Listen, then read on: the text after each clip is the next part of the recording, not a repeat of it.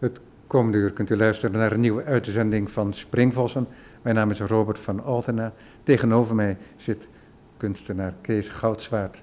Dankjewel Kees dat je met me in gesprek wilt gaan en dat je naar Arnhem bent gekomen vanuit Antwerpen. Dat is een genoegen. Je hebt een tentoonstelling bij Collectie De Groen. De tentoonstelling die draagt geen titel. Nee. En je wil weten waarom? Ja. Uh,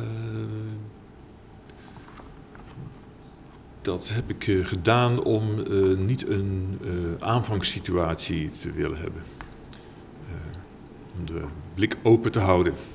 Het is een tentoonstelling die werk laat zien uit verschillende tijden. Om dat allemaal in één titel te vangen, dat vond ik moeilijk om te doen. Ja, het enige wat ik kon bedenken is dat dat ik zelf de verbindende factor tussen al die dingen ben. Vandaar. Dat sowieso. Ja, maar je wilde het niet uh, conceptueel dwingen, als het ware. Inderdaad. Want als je dat doet, dan creëer je eigenlijk ook weer een soort fictie, zou je kunnen zeggen. Maar dat kan ook weer eens helpen. Maar dat, is waar. dat is waar. Maar in dit geval vond je dat niet nodig. Zit, zit daar ook een, een dieper idee achter dat het werk het zijn werk maar moet doen? Ja, het, het, in principe is het proces van schilderen een, een, woordeloos proces. En ik vind dat het kijken ook bij voorkeur woordeloos zou moeten zijn. Ik weet niet of dat uh, een haalbare gedachte is, maar het is in ieder geval een soort van inzet die ik heb. Ja, ik maak graag inbreuken op dat privilege dat je hebt als kunstenaar om het woordeloos te laten zijn. En gelukkig werk je daaraan mee. Ja, ja, ja. het is een uh, prachtige tentoonstelling, verbreid over twee kleine en één grotere, iets getrapte zaal. Schilderijen, olieverf op doek. Er zitten, denk ik, twee werken op karton in de tentoonstelling. Inderdaad, ja. ja. Wat kleinere werken zijn dat. En er is één wandinstallatie die je hebt gemaakt. En die is opgebouwd uit risoprints. Mm -hmm. Is dat iets waar je vaker mee werkt, met die risoprints? Ja, ik uh, heb nu een aantal muurwerk op die manier gemaakt. Uh, het gaat over het uh,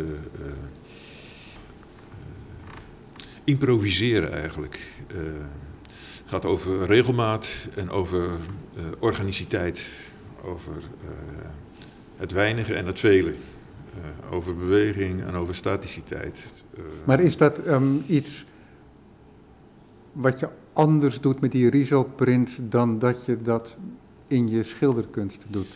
Um, het is natuurlijk heel nauw verwant aan elkaar.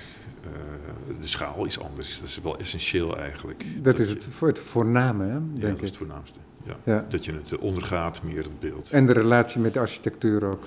Ja, inderdaad. Ja. Sowieso hoor, mijn werk is uh, uh, gevoelig voor de ruimte eromheen. Of laat ik het zo zeggen, het werk wil de ruimte gevoelig maken daaromheen. Sensibiliseren. En dat is iets wat ik na verloop van jaren geconstateerd heb bij mezelf. In eerste instantie is dat niet een doel, maar uh, ja. Je bent schilder. Je maakt olieverfschilderijen, verschillende formaten. Je hanteert niet en formaten die je in hele reeksen uitbreidt. En je schilderijen zijn, zijn, dat zijn kalme gebeurtenissen, zou je kunnen zeggen. En ze zien eruit met een vluchtige oogopslag als abstracte beelden. Die term die moet je maar vergeven. want wat abstractie dan is en wat het dan kan betekenen, dat is van alles en niks. Net wat we erop plakken. Maar er is een mate van abstractie en dat is ingegeven ook door hoe wij geleerd hebben te kijken door de kunstgeschiedenis. via pop art, via abstract expressionisme, via minimalisme. Daar ontkomen we niet aan. Door die filters ben jij ook heen gegaan. Ja. En uh, toen ik met iemand sprak over jouw werk, toen zei ik dat ook. En toen werd mij gezegd, you are pulling my leg. En ik denk van ja, dat is toch echt zo. Dat al die dingen meespelen in het werk. Ook al ben jij daar niet in die zin conceptueel druk mee bezig om je daartoe te verhouden. Je bent toch verrijkt en beïnvloed door wat er aan jou vooraf is gegaan. Ja, dat is zo. Als je start met je opleiding, met je kunstopleiding, dan uh, word je natuurlijk helemaal door de, door de eeuwen heen geloodst. Hè? En uh, dan uh, ga je op pad, dan ga je al het werk waar je over gehoord hebt, dat ga je bekijken. En, een kunstopleiding die je hier genoot. En, zeker. In Arnhem. Ja, ja, tot groot genoegen. En um, ja, sommige dingen blijven haken. Sommige dingen die blijken goede bouwstenen te zijn, goede instrumenten te zijn. De constructie van de kunsthistorie, daar moet je op een bepaald moment ook weer uh, afstand van nemen, vind ik, in je atelier. Maar ja, je wordt wel gegrepen natuurlijk door bepaalde zaken. En die hebben een naam gekregen. Abstractie of minimalisme. Of, het zijn allemaal dingen die als zuivere vorm plotseling beschikbaar zijn voor je tijdens een opleiding. En daar werk je mee verder. Je hebt zo'n zin die Cage ergens uitspreekt, volgens mij. Of was het Morten Veldman? Maar uiteindelijk werd de uitspraak ooit gedaan door Philip Gaston. En dat is, uh, je bent in je studio en als je daar bent, dan is de hele wereld eigenlijk aanwezig. Juist. De kunstgeschiedenis, je vrienden, je critici. En langzamerhand verlaten ze, als het goed is, het, het atelier. Ja. En als het echt geslaagd is, jijzelf aan het einde ook. Mm -hmm. en, dat is mooi gezegd. Ja, en dat is ook, denk ik, waar sprake van is. Ik denk met elke geslaagde, geslaagd kunstwerk. Mhm. En voor jouw werk geldt dat ook. Dus dat het is in een tijd te plaatsen, grofweg, met wat je doet, bepaalde keuzes die je maakt. En op een gegeven moment is het ook zo dat datgene wat jou verbindt aan die tijd, dat doet er niet meer toe. Daar ga je aan voorbij. Dus discussies die speelden toen jij student was. Ik merk wel eens als ik met oudere kunstenaars spreek, is dat zij ook een bepaalde terminologie hebben, niet altijd, maar soms een bepaalde terminologie hebben die verbonden is met discussies uit de tijd van dat zij begonnen als het ware. Ja. En, maar dat dat voor hun werker eigenlijk niet meer toe doet, omdat ze dat ontgroeien als het ware. Mm -hmm. En dat het werk op zichzelf is komen te staan. En dat heeft ook te maken, denk ik, met het feit dat je als kunstenaar steeds meer alleen in die studio bent. Ja? Ook refererend aan die uitspraak ja. van Gaston, Cage, Ja. Veldman. Zeker. Maar dat is ook iets wat ook gewoon fysiek exist- existentieel gebeurt. Ja, het is. Uiteindelijk moet je jezelf de autoriteit geven eh, bij het maken van je beelden. En eh, kun je niet meer je verlaten op datgene wat door anderen is benoemd als, eh, ja, als waarde. Ja, benoemd waarde of gedaan. Hè, want het hoeven, dat hoeven niet specifiek theorieën te zijn, maar het kunnen ook inventies zijn van Ja. collega's bijvoorbeeld. Maar terugkomend op wat je vertelde eh, over eh, dat iedereen het pand moet verlaten uiteindelijk. Hè? Het atelier moet verlaten, alle stemmen en alle waardes en alle meningen. eh, dat herken ik heel erg. Soms dan kost dat wel tijd. En ik wil mijn werk ook de tijd geven om uiteindelijk in de stilte aan te belanden. Dat kan soms wel maanden of jaren duren. Gelukkig werken kan veel dingen tegelijkertijd. Dus, eh, en alles krijgt een beetje de tijd die het nodig heeft om inderdaad die hinderlijke ruis te, kwijt raken. Ik zei net, het is ook een beetje plagend, maar er zit ook een kern van waarheid in. Dus dat wat er vooraf gegaan is, op een indirecte manier toch zichtbaar wordt in het werk van wat er nu gemaakt wordt. Dat geldt ook voor jouw werk.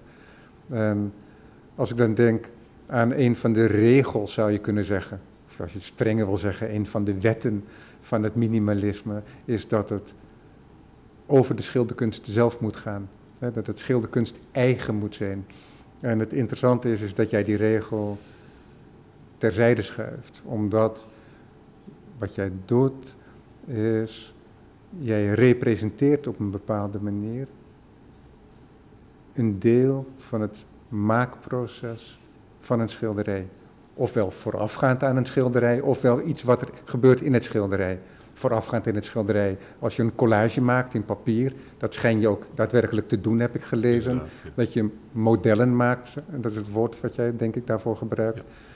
Dat is niet op schaal, denk ik. Zeker wel Dat- op schaal. ja. Ja.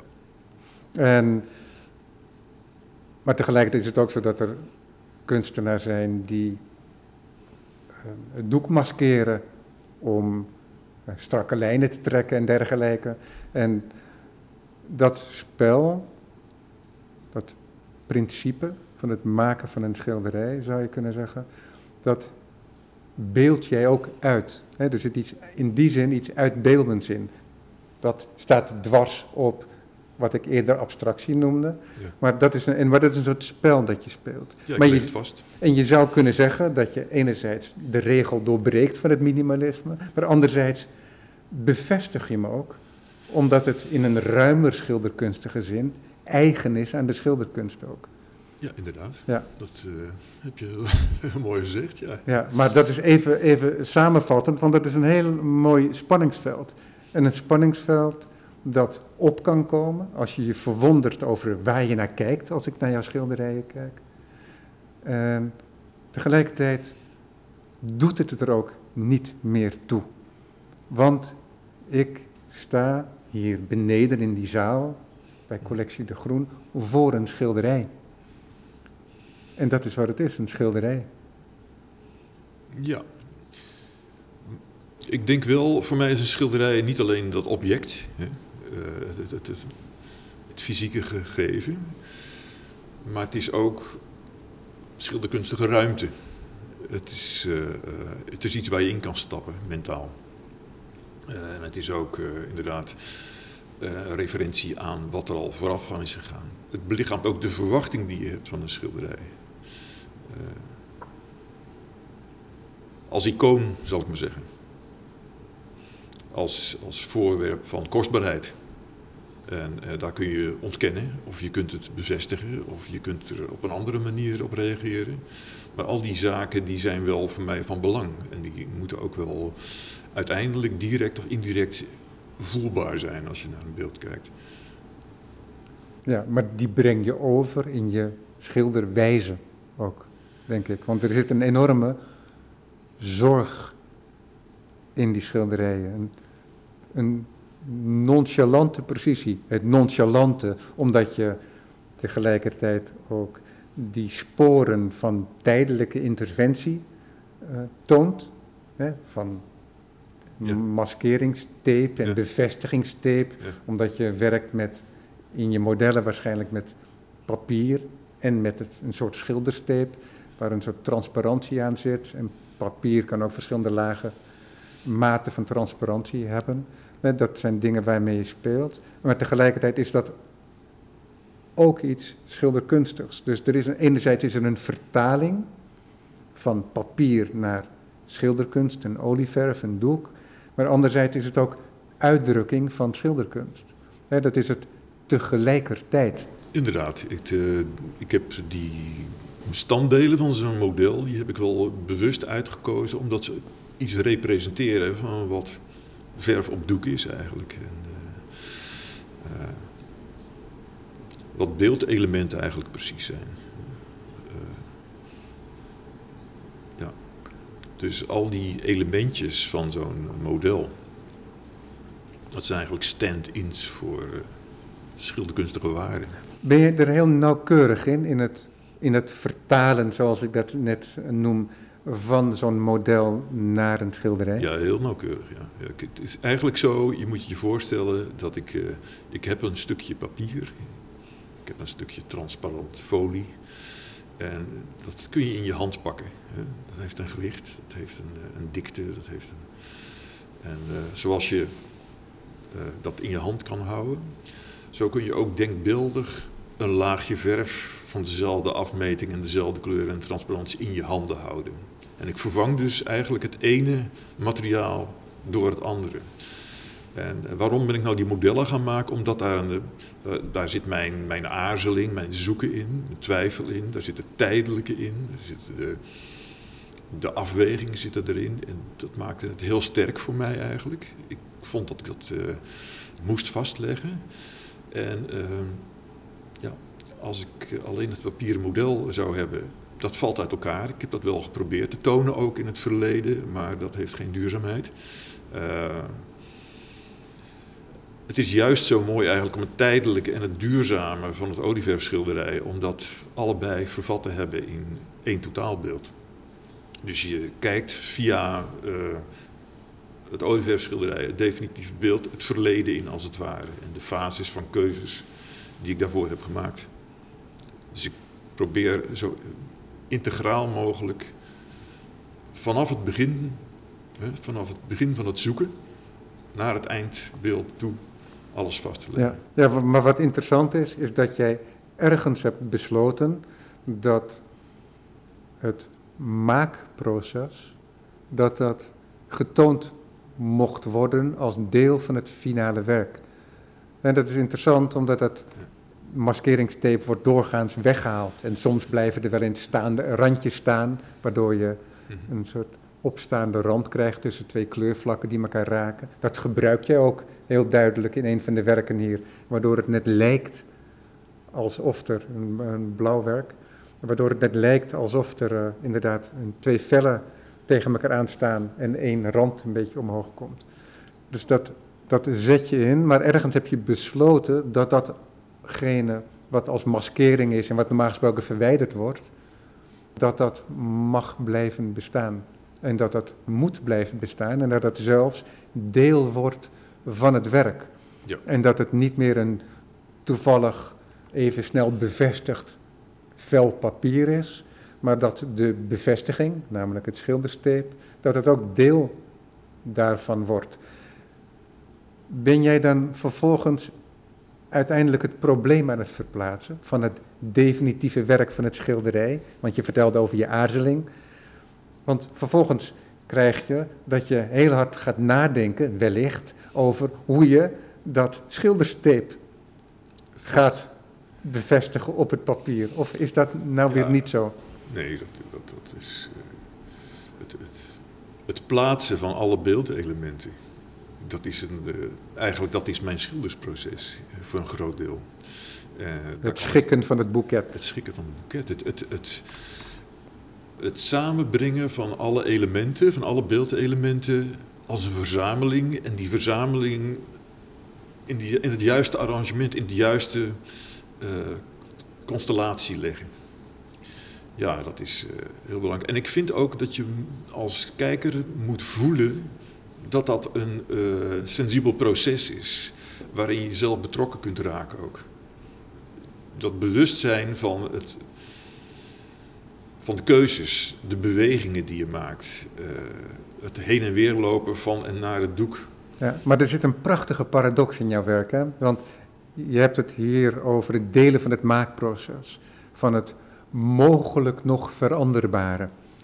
Hè? Die, een bepaalde openheid is dat. Uh, dat is heel mooi, maar als kunstenaar moet je uiteindelijk toch een beslissing nemen. Al is het maar de beslissing, ik haal mijn handen er nu vanaf. Ja. Maar bij jou gaat het verder. Want jij toont niet je collages en knipsels. Jij toont aan mij, publiek, schilderijen. Schilderijen die heel nauwgezet zijn gemaakt. Er is nauwelijks spoor te zien hè, van penseel en mhm. kwast. Hier en daar een beetje. Mhm. Maar je bewaart je ervoor om je hand niet af te laten leiden van het beeld.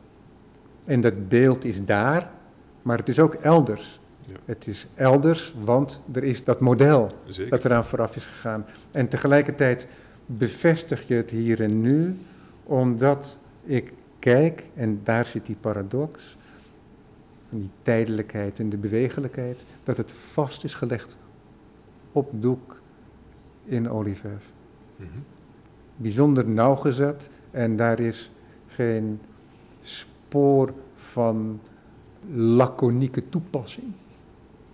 Nee, het, het proces van schilderen eh, eh, met olieverf is met in alle ernst ondernomen. Dat is in alle ernst ondernomen en is ook een eh, going through the motions weer van het hele voorafgaande proces. Dus eigenlijk wordt elke beslissing dan nog een keer genomen. In verf. Wordt nog een keer genomen, maar tegelijkertijd zeg je ook, ik voer het nauwgezet uit. Dus is het ook een moment van heroverweging? Het is een moment waarop je uh, herbeleeft in ieder geval en waarop je uiteindelijk ook bevestigt de keuzes, misschien met moeite soms die je genomen hebt, definitief. Ja.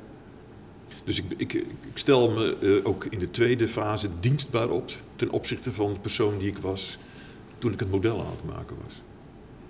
Ja. Het zijn twee echt uh, verschillende ja. houdingen die ik dan uh, aanneem. Beschouw jij, Kees Goudzwaard, het model ook als werk? Ja, voor mij zijn ze integraal verbonden met elkaar. Dus, uh, heb je ze weer eens getoond? Ja, ik heb één keer een papieren model getoond. Een groot model was dat. Het was iets van, ik denk, 3,5 bij 1,5 meter of zo. Um, en na een weekje begonnen alle onderdelen uh, naar beneden te vallen. Uh, ja. uh, daar is wel wat aan te doen natuurlijk. Daar is wat aan te die doen. dingen van Mathies die bestaan ook nog altijd. Zeker, ja. ja. Maar ik denk eigenlijk dat het voor mij beter past om uiteindelijk ja, die twee uh, verschillende werelden en houdingen samen te voegen in één beeld. En dat ook. Uh, ja, waarmee je indirect antwoord op mijn vraag of het ene en het andere werk is. Of het een en-en is of een of-of. Uh, dat het uiteindelijk het schilderij het echte werk is. En dat, dat andere. Ja, jij maakt het niet los van elkaar, hè? Ik maak het niet los van elkaar. Want, want wat ik nu doe, die categorisering, die bestaat nee. voor jou niet. Nee. nee. Nee, ik begin aan een schilderij met allerlei materialen in mijn hand uh, samen te brengen. Uh, een verzameling zin te geven. Dat is, dat is eigenlijk het begin. En die ja. verzameling in de ruimte, dat is mijn schilderij ja. uiteindelijk. Ja, maar wat heel interessant is natuurlijk, is dat er, er is niet een vertaling van één taal naar een andere taal, maar we hebben het hier over een kunstwerk, kunstobject, en dat is materieel. En papier en tape is wat anders dan doek en olieverf. Dus er is ook iets schilderkunstig eigens aan het schilderij. Precies. En is het zo dat omdat je al die beslissingen al genomen hebt, dat je je compositie hebt gemaakt. Je maakt gebruik soms van een soort grid en een geometrische onderverdeling, ja. maar er is ook een zekere compositie met de losse elementen. Mm-hmm. Soms doe je dat met de losse stukjes maskeertape. Soms doe je dat met een representatie van transparant papier. En je kunt de rollen, die verwissel je weer eens. Want er is hier beneden ook een groot doek uh, met witte, witte grond. Uh, met wat verschillende kleuren groen. Ik denk drie, drie tonen groen en er zit wat geel in. En daar maak je clusters mee. Mm-hmm. Met die kleuren. En die overlappen elkaar. En die zien eruit alsof je brede stroken tape hebt gebruikt mm. en uh, over elkaar heen plakt, waardoor je ook dat spel krijgt van transparantie mm-hmm. en kleurverandering. Mm-hmm. Dus een spel wat um, Richard Loze zijn hele oeuvre aan gewijd heeft, zou je kunnen zeggen. En dat is ook een deel van jouw werk, dat is heel typisch schilderkunstig. En nu ben ik kwijt waar ik dit verhaal mee begon. Dat is ook interessant. Nou, um, maar ja, er zit iets schilderkunstig eigens in, zei ik net. Ja. Um, en dat is dat je, oh ja, ik, nu weet ik het weer. Kijk, je maakt die modellen en je bent daarmee bezig en met het, met het tape. En dat is beslissend. Hè? Dat is bepalend. Het is niet zo dat je nog je vrij gaat uitdrukken op het doek vervolgens ten opzichte van dat model. Dat heb je duidelijk gemaakt. Maar je maakt een schilderij. Is het zo dat je, omdat je al die beslissingen, en dat is een enorm probleem, hè, dat is iets wat je heel wel overwogen doet, ook al ziet het er nonchalant uit, omdat dat tape erin zit en dat is ook misschien een manier voor jou om wat lucht in het werk te blazen, wellicht. Tussenvraag. In de zin van. En nou, omdat er zit een bepaalde nonchalance in, in dat idee van dat schilderstape en dat je het proces deelt. En Ja, een nonchalance die het definitieve schilderwerk, hè, en een schilderij is toch, kan redelijk onverbiddelijk zijn. ja. En dat hebben we ook de laatste 30 jaar wel gezien, omdat er in verschillende golven schilderkunst wat weer op de achtergrond raakte. En toen werd het weer opgepakt, maar heel voorzichtigjes. Bijna, het mocht bijna niet bestaan, als het ware, met datgene wat er geschilderd werd en hoe er geschilderd werd. En er zit iets in, omdat het ook die rijke geschiedenis eraan hangt, dat je misschien voor jouzelf, maar dat is een vraag die ik jou nu stel, dat je wat lucht erin brengt Ja, je door. kunt het eh, lucht noemen. Ik zou ook zeggen, eh, kijk, in mijn zorg, zorgvuldigheid om het in olieverf om te zetten, eh, eh, gebruik ik niet toets. Ik denk dat eh, wat jij luchtigheid noemt, dat is voor mij toets. Kijk, wat ik bedoel daarmee te zeggen, want het was een tussenvraag om uiteindelijk bij die schilderkunst terecht te komen natuurlijk. Dus ik doe een beetje moeilijk, maar, ehm, of onhandig, mea culpa. Maar dat maken van het model is een instrument dat je gebruikt, ook omdat jij daar al je twijfel zijn spel kan laten gaan, zonder dat je elke keer doeken hoeft af te halen, afschrapen, weet Ja, ik of, of gewoon weer vernietigen. En, nee, dus dat is duidelijk, die keuze is duidelijk, maar kijk, er zit niet één motief achter natuurlijk. Zit- er zitten meerdere motieven achter waarom je bent gaan werken zoals je bent gaan werken. En dat weet jij zelfs niet eens meer te achterhalen waarschijnlijk hoe dat zit. Dat is uiteindelijk zo ontstaan. Maar wat ik me afvroeg is dat er misschien toch ook een bepaalde gemak in zit. Want je bent een ernstig schilder. Schat ik zo in. Eh, ik, ben, een- ik speel het spel ernstig. Ja, precies. Zo zou ik het zelf ook geformuleerd hebben. Tot razernij van mijn vrienden. Maar ja, precies. En dan komen we nu, want je maakt het nu heel gemakkelijk met deze mooie ambivalente formulering. Dan komen we terecht bij die schilderkunst. Je maakt een doek. En het is niet zomaar een vertaling. Je maakt een doek en je kunt je volledig richten op het schilderen, omdat de vormgeving van het schilderij, van het ontwerp, zullen we maar zeggen, dat heb je al voor elkaar. Ja. Dus op een bepaalde manier kan je daardoor ook richten op het schilderen. Maar in dat schilderen is er toch ook een zekere transformatie. Want jij gebruikt echt schilderkunstige middelen. Jij bent niet bezig om een papieren collage, karton, papier en tape, om dat te vertalen naar een schilderkunst. Je bent niet bezig met, een, met alleen maar mimesis. Er zit een bepaalde mimesis in, een bepaalde kopie zit erin. En dat is niet alleen maar in compositie, maar ook in een idee van een structuur. Maar waar ik zou kunnen benoemen dat je een kopie maakt, Is- een kopie een goed woord. ja, maar is tegelijkertijd ook geen kopie, want dat is precies dat punt waar het papieren werk en het schilderkunstig eigen elkaar overlappen. Mhm. Namelijk eh, transparantie. En wat er dan wel een mate van kopie is, is dat je bijvoorbeeld eh, het gescheurde schildertape, hebben hier twee rollen op, op tafel. En als je dat afscheurt, dan krijg je een beetje een slordige rand, Ja. hè, als je geen schaar hanteert. En die slordige randjes van die papierstructuur en de weerbarstigheid door eh, het Mhm. klevende bestanddeel, ehm, die breng je over, die vertaal je. Dus dat is een, echt een kopie. Maar er is een, ook een overlap tussen wat schilderkunstig eigen is en wat eigen is aan het materiaal wat je bron is. Ja, ik, ik...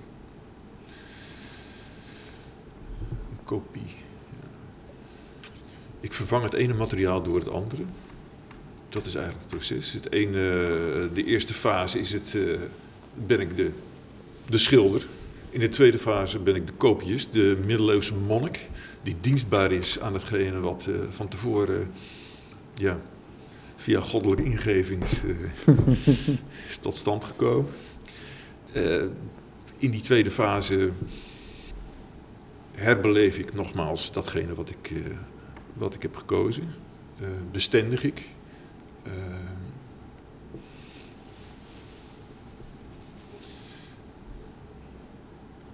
in die tweede fase spreek ik mijn trouw uit ten opzichte van datgene wat ik van tevoren uh, me voornemens had. Ja. Enfin. Ik zit even te zoeken naar jouw precieze vraag nou eigenlijk. Oké. Okay. Nou, wat ik vaak doe natuurlijk is dat ik geen vraag stel, maar dat ik iets zeg en dat ik je erop laat reageren. En dat is waardoor je nu een beetje zwemt. Maar wat ik wil benadrukken is dat er enerzijds een, sprake is van een soort kopie, van een transfer van een werk van papier en karton en dat je dat vertaalt naar een schilderij. Dat zou je in absolute zin kunnen doen.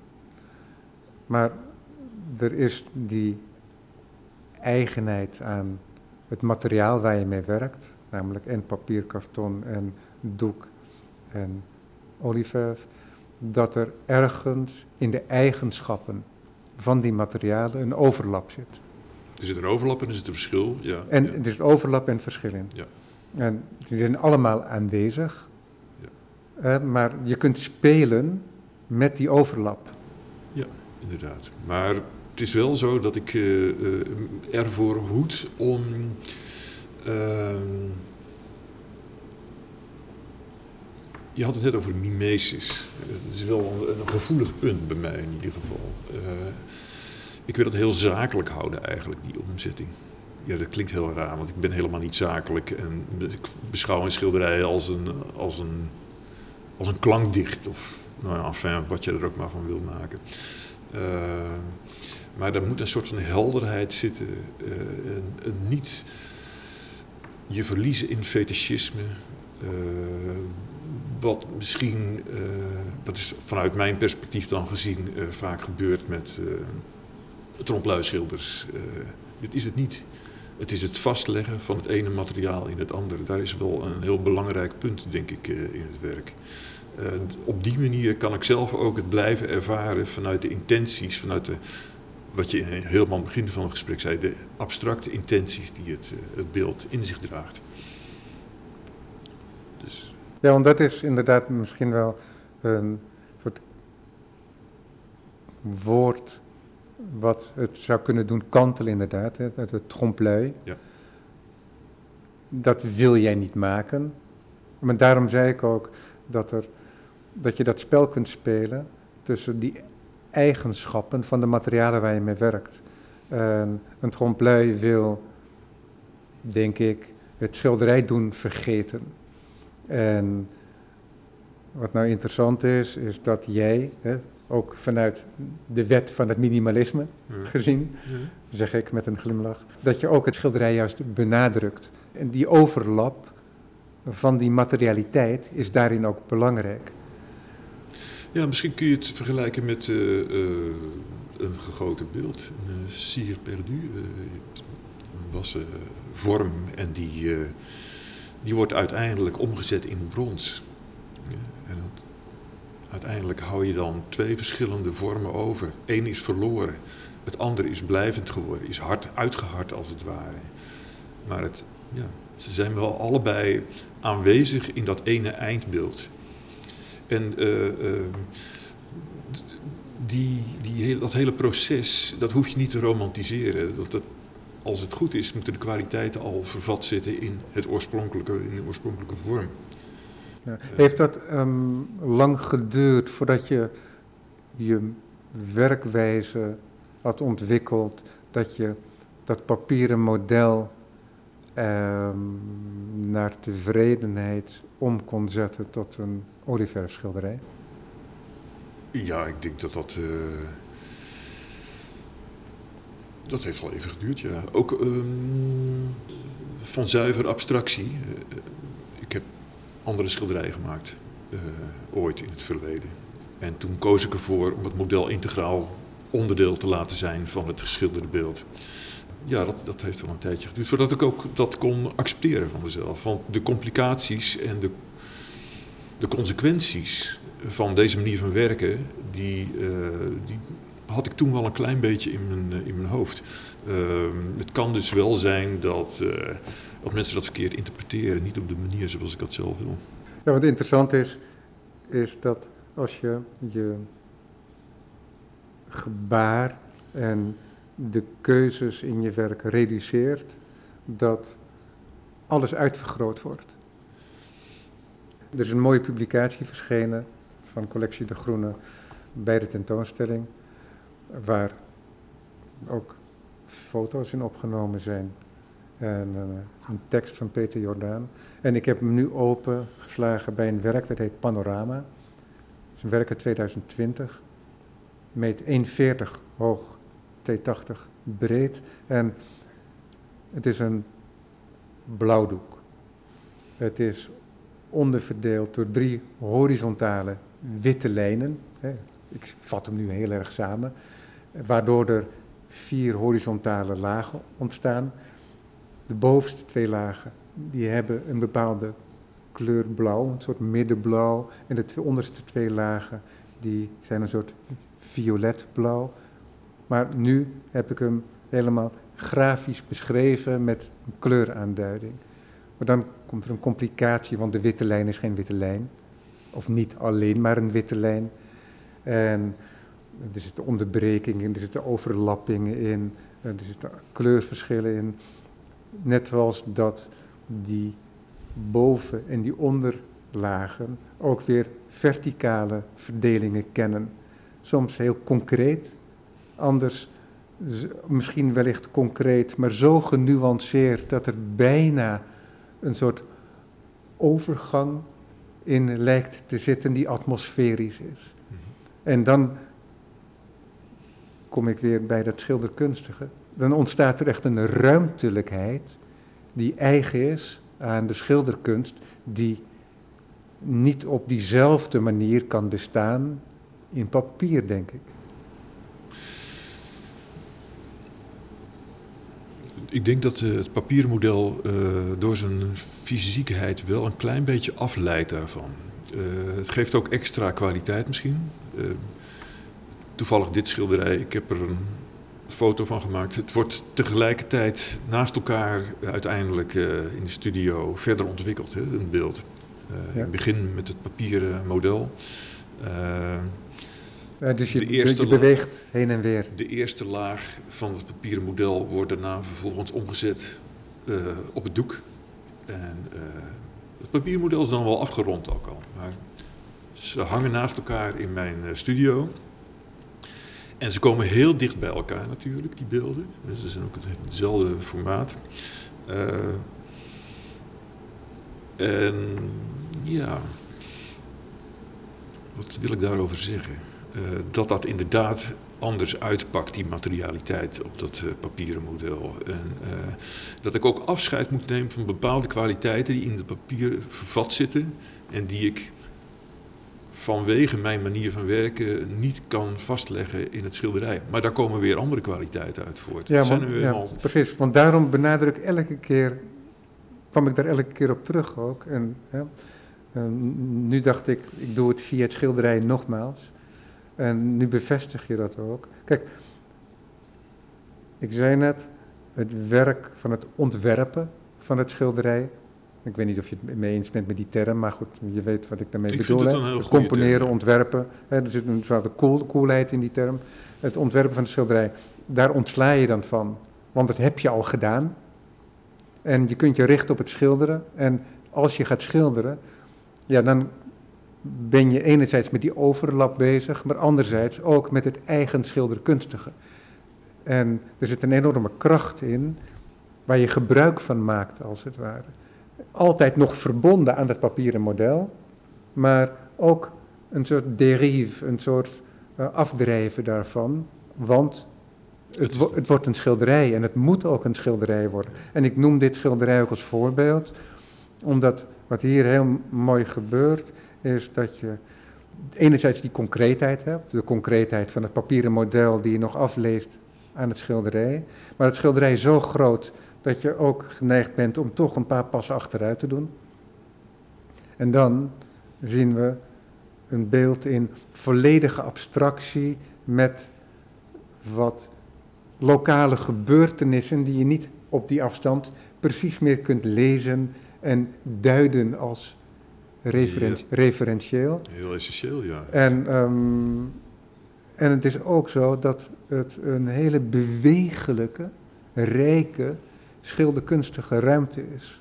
En een rijk spel van kleur die echt heel typisch schilderkunstig is ook. Ja, dat lichaam, hè, wat het schilderij is, dat grote volume, dat, dat wordt opgedeeld. Uh, in kleinere fragmenten en die worden samengebracht bij elkaar. En uh, op elke afstand geven ze een andere uh, signaal af of la laten ze andere dingen zien. Uh, het, het, het, tedere en het grote gebaar, het besliste, dat moet bij elkaar in een beeld gebracht worden. Ja, ik denk dat dat wel heel belangrijk is. En dat kun je natuurlijk heel goed zien bij het voorbeeld wat je hier uh, aanhaalt. Omdat dat zo'n groot volume is natuurlijk. Maar dat gebeurt in elk werk in principe. Ja, dit is een werk dat ook in de collectie zit, denk ik, hè? Nee, dit werk. Oh, dat dacht ik. Oké. Okay. Er is een ander werk wat daar wel veel mee te maken heeft, ja. wat hier wel aanwezig is, ja. Dan ben ik abuis. En wat ook interessant is, daar tegenover, tegenover het panorama hangt een ander werk, waarvan ik in eerste instantie dacht dat dat een, misschien een vroeger werk was. En omdat dat er in eerste instantie heel erg uitziet als een samenstel van vellen papier. En die zijn heel geometrisch geordend, zou je kunnen zeggen. In vier regels, als het ware. En er zit wel maskering in en dergelijke.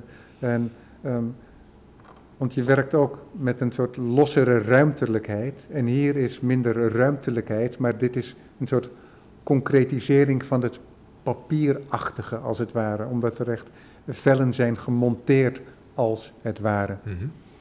En daarom dacht ik, dat is vast een ouder werk. En dan zie je weer dat ik volledig niet oordeelkundig ben, want het is een werk uit 2022. Ja, ja. Maar het refereert wel aan, uh, aan een model wat ooit is gemaakt en wat nooit uh, uh, was uitgevoerd. omgezet in de schilderij. En de schilderij Daytime. Ja, ja, ja. en dat is inderdaad uit een periode van uh, 15, 16 jaar geleden. Ja, en wat maakte dan dat dat model weer tevoorschijn kwam? Ik zag een, ik zag een foto ervan. En ik nam het mezelf kwalijk dat ik dat beeld niet gerealiseerd had. En toen ben ik het model opnieuw gaan opbouwen. Het was een slechte foto matige kwaliteit had het. Maar ik heb zo goed en zo kwaad als het ging, heb ik dat weer opnieuw opgebouwd. Ach, op basis van een foto ja. heb je het model gereproduceerd, als het ware. Ja. dat is een mooie verdubbeling. Ja. Uh, ben je dan heel nauwgezet daarin? Ik doe het zo goed als dat ik kan. Of denk je, nou, het idee van dat werk wat ik daar op die foto zie, dat is voldoende en ik ga nu gewoon mijn eigen gang. Ik want, denk dat je, want je bent toch een andere kunstenaar twintig jaar later. Ja, ja. Ja ik denk wel dat, uh, dat je het opnieuw moet definiëren, zeg maar. Uh, maar wel in de geest van datgene wat ik toen gedaan ja. heb en de kwaliteiten die ik nu vanuit dit moment uh, terugzie in het werk van toen. Ja dat zijn enorme ingrepen natuurlijk. Hè. Je hebt, als je bijvoorbeeld een schilderij van 20 jaar geleden, als je daar opnieuw aan zou gaan werken.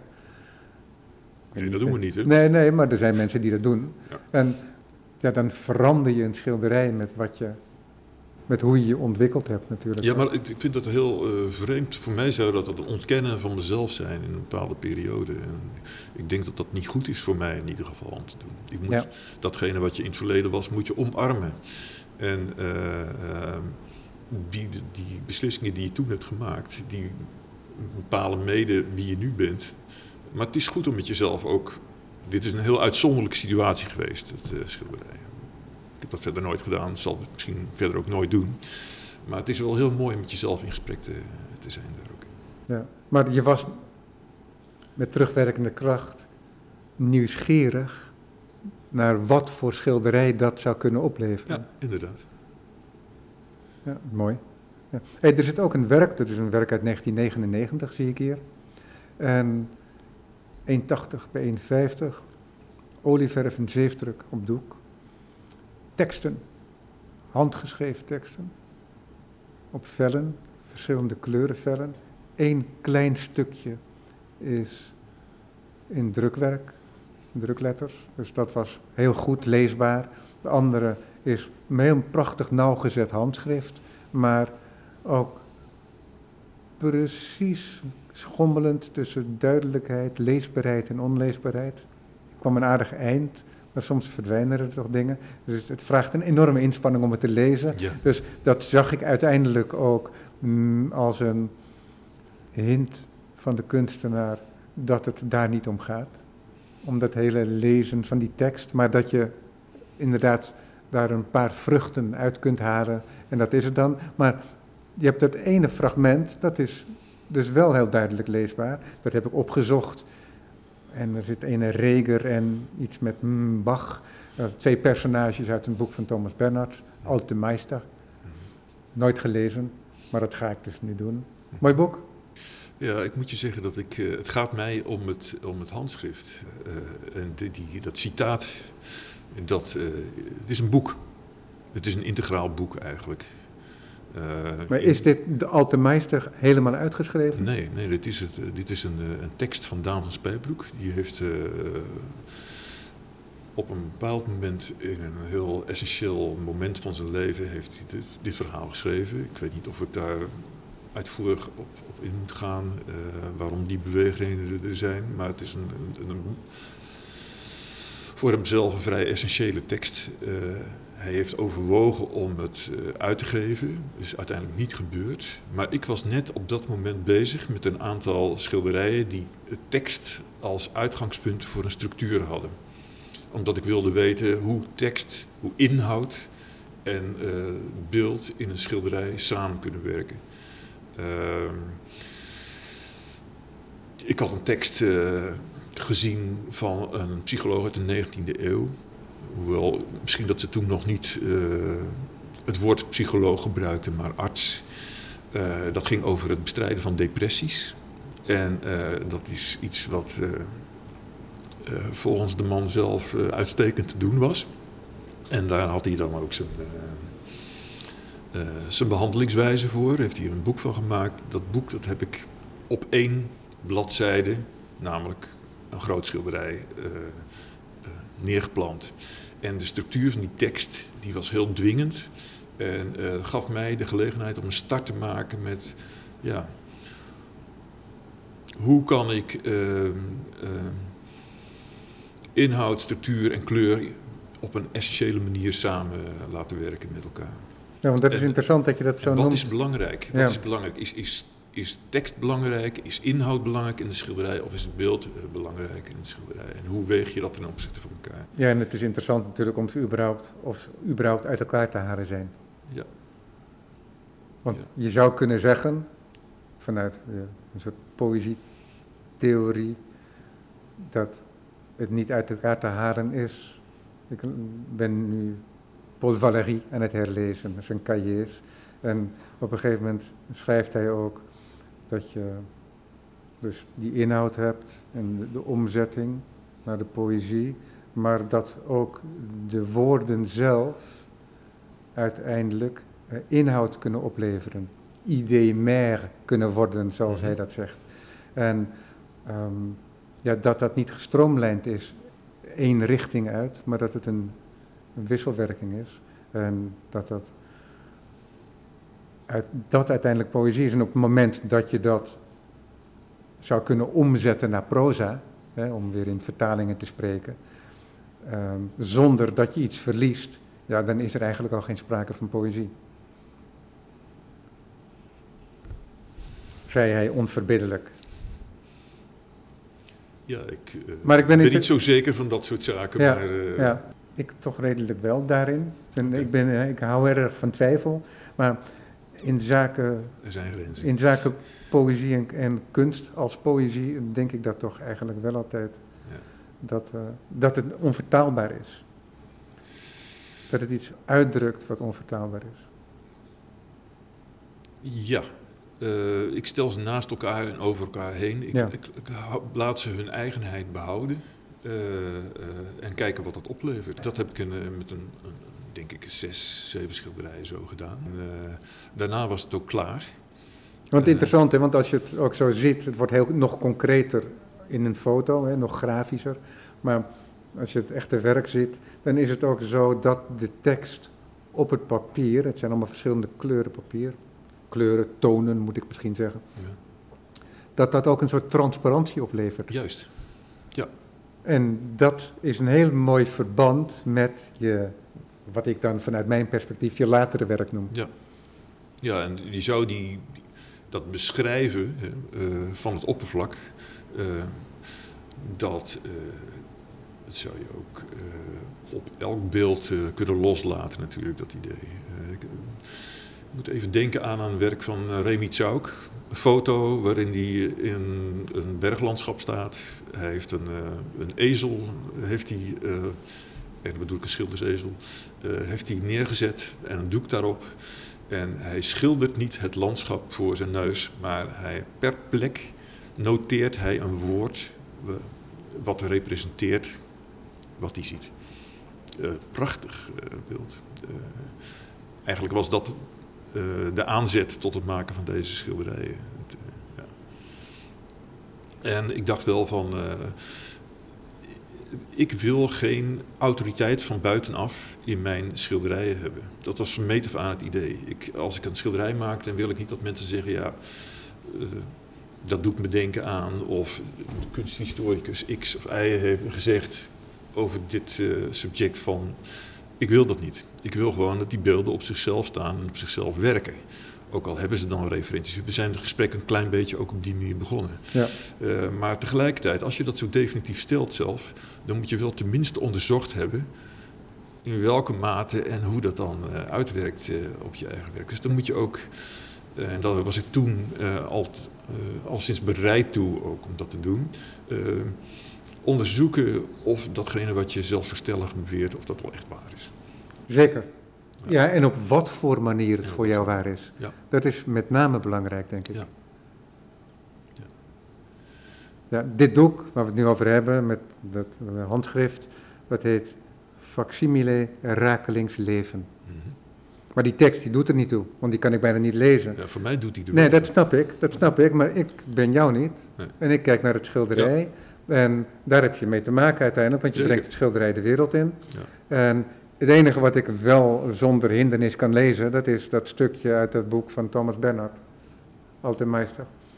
En ja, daar zou ik dan kunnen over na gaan denken wat de relatie is dan met de rest van de tekst die ik niet kan lezen. En eventueel met de titel, want de titel die zou iets kunnen geven. Maar in de omgeving waarin het nu hangt, met het werk van de latere Kees Goudswaard, het latere werk van Kees Goudswaard, daarin speelt een heel andere rol. En dan is het het fysiek van het werk en de transparantie en de visuele eigenschappen van het werk, die dan het overnemen, Ja, voor mij dan. ja. Dit is ook een, eh, je kunt een, een lijn invoeren in een, eh, in een schilderij op een heleboel verschillende manieren. En eh, dit is een, een, een handgeschreven tekst. Dus dat is een onderbroken lijn, zeg maar, eh, ter lengte van een boek. Als je in andere schilderijen kijkt, dan zie je dat lijn ook op zo'n manier tentoongesteld worden, alleen dan op een, ja, een andersoortige manier. Tekst als lijn, Tekst als lijn. Kees Goudswaard. Dit was ons eerste gesprek. Ik hoop dat we nog gesprekken zullen hebben in de toekomst. Uh, Dank je wel voor dit gesprek. Graag. Jouw tentoonstelling bij Collectie De Groen is nog te zien tot en met 16 april van dit jaar. En het is een aanrader. Ik Dank u. dank u voor het luisteren ook.